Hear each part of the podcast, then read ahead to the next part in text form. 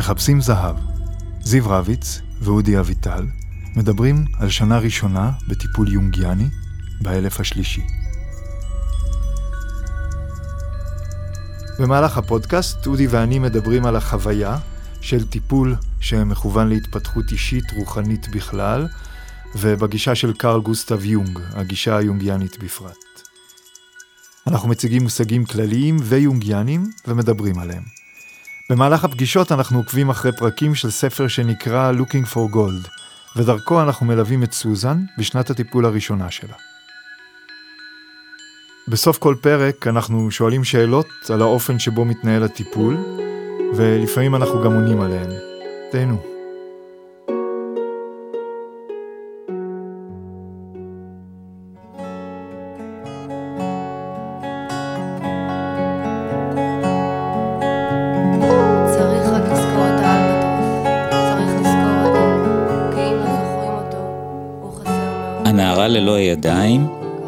אגדה מאוסף האגדות של האחים גרים.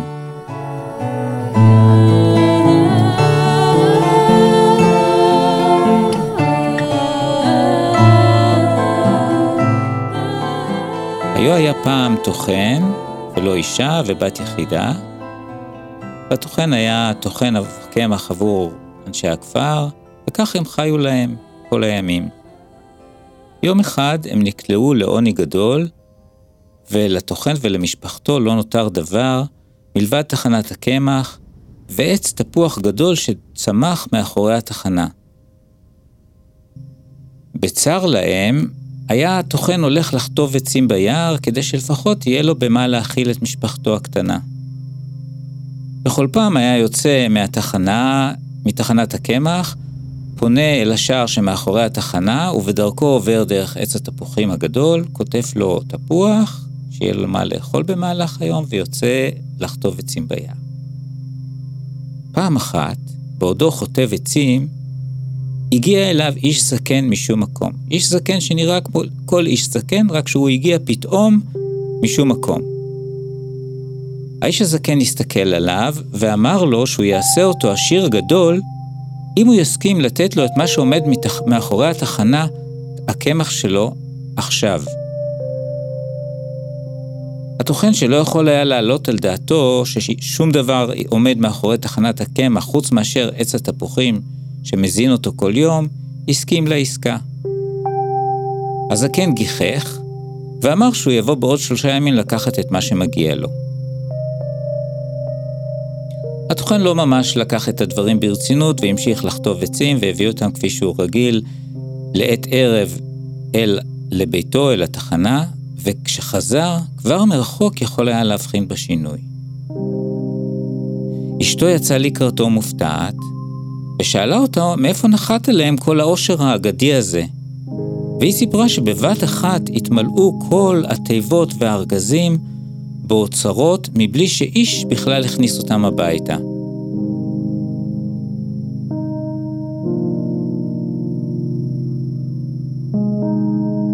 הטוחן סיפר לאשתו את אשר אירע ביער, ואשתו הצטעקה בבהלה.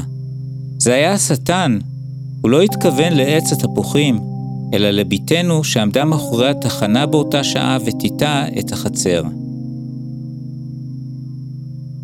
אתם יכולים לדמיין לעצמכם שמאותו הרגע לא ידעו הטוחן ואשתו שמחה, ובכלל לא יכלו ליהנות מכל העושר שנפל עליהם. הם רק היו עסוקים ביום שבו יבוא האיש הזקן לדרוש את המגיע לו.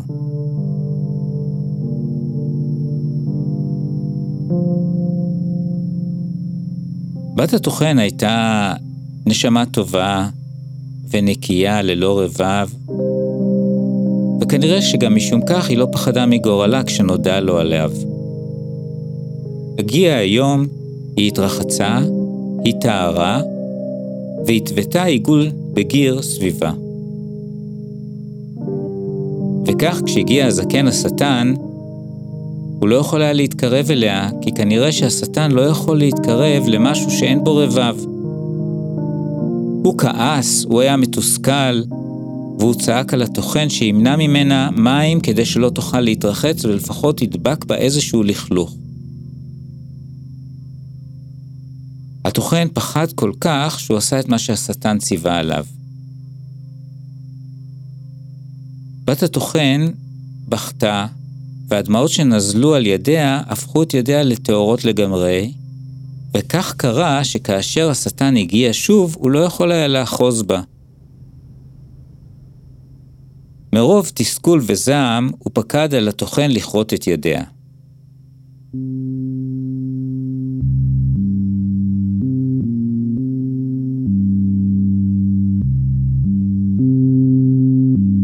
הטוחן הזדעזע. איך הוא יוכל לכרות את ידי ביתו? אבל כשהשטן איים עליו שהוא ייקח אותה במקומה, הפחד השתלט עליו, והוא ציית. הנערה שהבינה את השהולך לקרוא, הניחה לו לקצוץ את ידיה. אבל מכיוון שבכתה כל כך, ובכתה כל כך הרבה זמן, הגדמים נהיו טהורים לגמרי. וכאשר בא השטן בשלישית, הוא לא יכול היה לגעת בה שוב, ובכך איבד את זכותו עליה לחלוטין. הטוחן חשב שסוף סוף נפטרו מהצרה ונחה עליו דעתו. הוא הבטיח לביתו שמאחר ויש להם את כל העושר הזה בזכותה, הוא יפרנס אותה את כל חייה. אבל הנערה ענתה שהיא רוצה ללכת משם, ושהיא סומכת על טוב ליבם של זרים ושל האלים. וכך קרה שלמחרת בבוקר שלחו הטוחן ואשתו את הנערה לדרכה. הנערה יצאה, הסתובבה במשך כל היום, עד שלקראת חשיכה הגיעה לגן מלכותי. כשירדה החשיכה, באור הירח ראתה כי הגן מלא עצי פרי עמוסים. היא קראה על ברכיה ונשאה תפילה. ואז הופיע מלאך, שסחר את המים שהקיפו את הגן, וכך היא יכלה לעבור את התעלה שהגנה על הגן. כשנכנסה לתוך הגן, היא ניגשה לעץ הגסים, עמוס פירות יפים, והעץ, באורח פלא, התכופף והגיש את הפרי לפיה. מאחר ולא היו לה ידיים, היא אכלה ישר מהעץ. כששבעה, הסתר... הסתתרה מאחורי השיחים ונרדמה.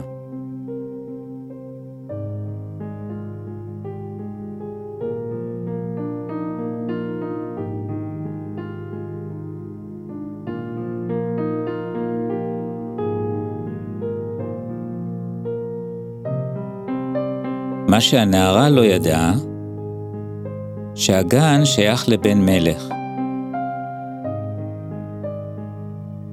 עד אותו הזמן, בן המלך, שהיה לבד, היה מאוהב לחלוטין בגן ובפירותיו, ולכן הוא שם עליו גנן שתפקידו היה לש... לשמור על הגן, לטפל בו ולהבטיח את שלמותו.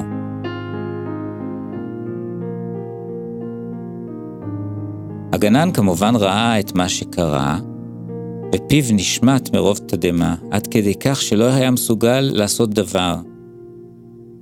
מכיוון שמה שהוא ראה היה מלאך שמלווה את הנערה, והיה בטוח שמדובר ברוח רפאים. למחרת, כשבא בן המלך, כפי שהיה בא כל בוקר, וספר את הפירות על העצים, ראה שחסר אגס אחד, והוא שאל את הגלן, לאן נעלם האגס? והגנן סיפר את הסיפור כפי שהוא ראה אותו. הוא סיפר שהגיע רוח רפאים ללא ידיים, מלווה במלאך, ומכיוון שפחד כל כך, לא יכול היה לומר דבר. בן המלך פקפק בסיפור, אבל גם הסתקרן, ואמר לגנן שבלילה הבא הוא ישמור יחד איתו, וכך היה. כאשר ירד הלילה, הם הסתתרו וחיכו לבאות. וכאשר עלה הירח, הסיפור חזר על עצמו, אלא שהפעם בן המלך ניגש אל הנערה ושאל אותה אם היא רוח או אדם. והנערה אמרה שהיא איננה רוח, אלא אישה מסכנה שכולם נטשו אותה חוץ מהאלים. בן המלך נשבע ביופייה, הוא נפל על ברכיו, חיבק אותה, ואמר שהוא לעולם לא יזנח אותה.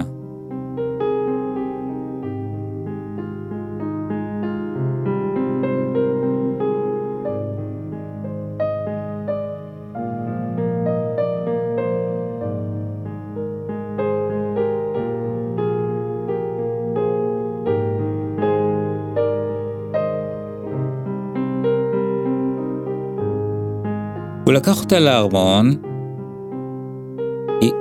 היא, התרחצה, התלבשה ונהייתה למלכה, והוא ציווה שיעשו לה ידי כסף.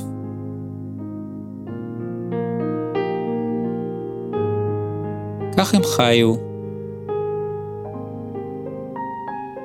ויום אחד פרצה מלחמה, ובן המלך נאלץ לצאת למלחמה. הוא הפקיד את הטיפול במלכה הצעירה בידי אמו, וציווה שידאגו לכל צרכיה. ואם במקרה יתקפו אותה צירי לידה, שיטפלו בה וישלחו לו מיד מכתב. וכך היה. וכאשר נולד למלכה בן, האם מיהרה וכתבה לבנה את המכתב על הבשורה המשמחת. אבל השטן חיפש כל הזמן דרך לפגוע בנערה. השליח היה בדרכו, והשטן הפיל עליו תרדמה, וכשהוא ישן, הוא החליף את המכתב שכתבה המלכה האם במכתב אחר. ובמכתב שנכתב היה כתוב שהמלכה הביאה לעולם מפלצת.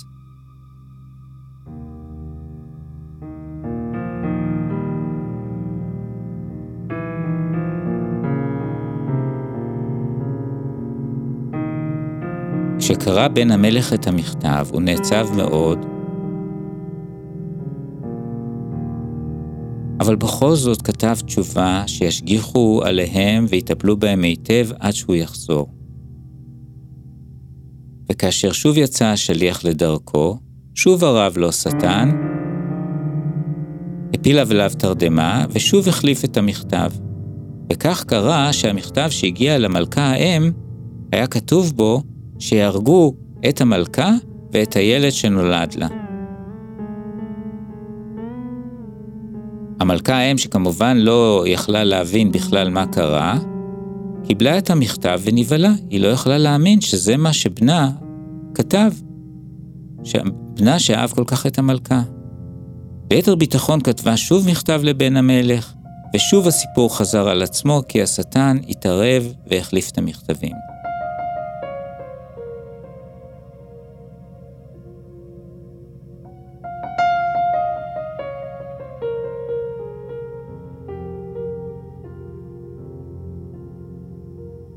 בסופו של דבר, רחמה האם על המלכה ועל בנה. היא סיפרה לה את אשר כתב בן המלך, ואמרה לה שהיא עצמה איננה מסוגלת להמית אותם, ולכן היא מצווה עליה לצאת לעולם הגדול, והזהירה אותה שלעולם לא תשוב עוד.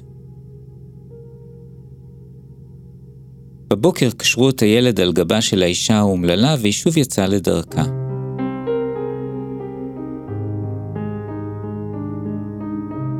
ושוב לעת ערב, כשהגיעה ליער גדול,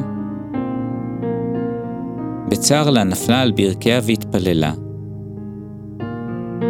ושוב הופיע לפניה המלאך, והפעם הוליך אותה לבקתה שעליה היה כתוב, כאן גר חופשי כל אחד. מן הבקתה יצאה עלמה, שהזמינה אותה ובירכה אותה וקראה לה המלכה. ואמרה לה שהמלאך הורה לה לטפל בה ובילדה.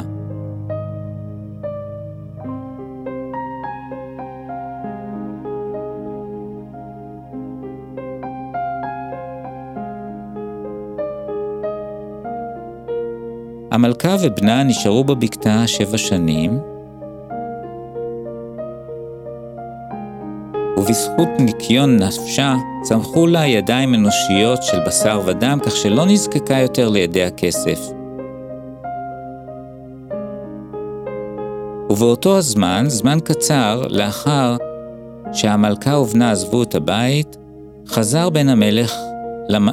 מהמלחמה וכמובן שרץ מיד לראות את אשתו ואת בנו שנולד לו. האם שראתה אותו מחפש את המלכה ואת בנה, החלה לבכות וכעסה עליו. איזה אדם אכזר הוא נהיה שהורה לה לעשות דבר שכזה.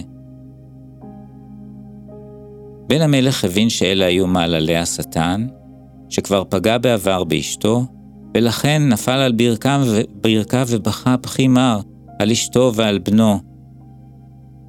הוא בכה את הבכי שלא בכה כל השנים האלה כשהיה במלחמה הקשה. ואז הבינה המלכה האם שמשהו לא טוב קרה. היא ריחמה עליו וסיפרה לו את האמת, את מה שעשתה, וסיפרה לו שהזהירה את המלכה ללכת רחוק ולעולם לא לחזור כיוון שפחדה מכעסו. למרות הבשורה הקשה לכאורה, בן המלך התעודד, והחליט בו ברגע ללכת לחפש את בנו ואת אשתו, והוא קיווה שהוא יוכל למצוא אותם אם חלילה לא נפלו ברעב או מתו מצמא או מישהו פגע בהם. וכך הוא נדד כל השבע שנים האלה וחיפש אותם בכל מקום. הוא לא אכל ולא שתה כי הוא חשב שאולי הם סובלים כל הזמן הזה מהרעב וצמא. ואלוהים היה איתו. יום אחד, כאשר כמעט תמו שבע שנים, הוא הגיע ליער, וביער מצא בקתה, ועל הבקתה שלט, כאן גר חופשי כל אחד. כשהגיע, יצא לקראתו העלמה, וברכה אותו לשלום, ושאלה אותו מאין הוא בא ומה מעשיו. הוא ענה לה שהוא שהוא בן מלך, ושבקרוב ימלאו שבע שנים למסעו אחרי אשתו ובנו, שאיננו יכול למצוא אותם. עלמה הציע לו מזון ומשקה, אך הוא כדרכו סירב, ורק ביקש להניח את ראשו. הוא לא נכנס לבקתה, הוא נשכב על האדמה מחוץ לבקתה, והניח מטפחת על ראשו ונרדם.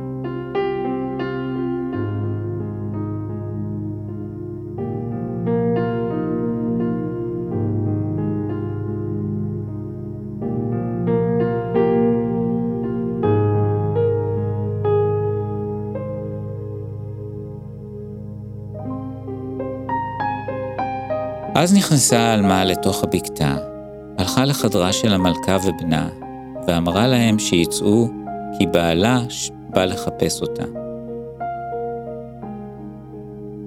כשיצאה המלכה, נפלה המטפחת מפניו של בן המלך, והמלכה ביקשה מבנה להרים את, המת...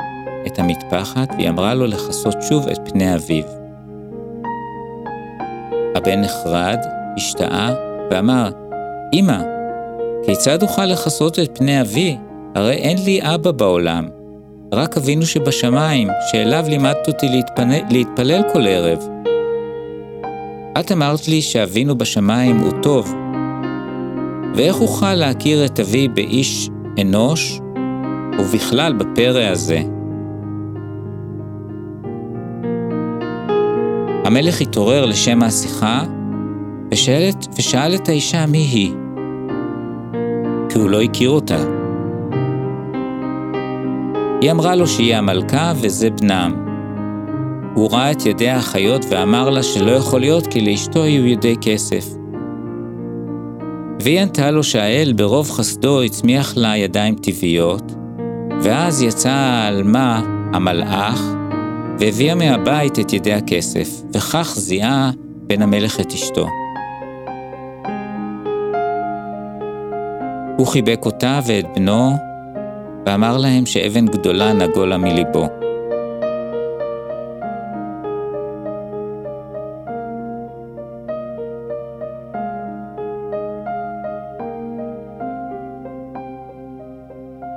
אז העלמה מלאך האכילה אותם והשקטה אותם, והם הלכו יחד לביתם אל האם הזקנה.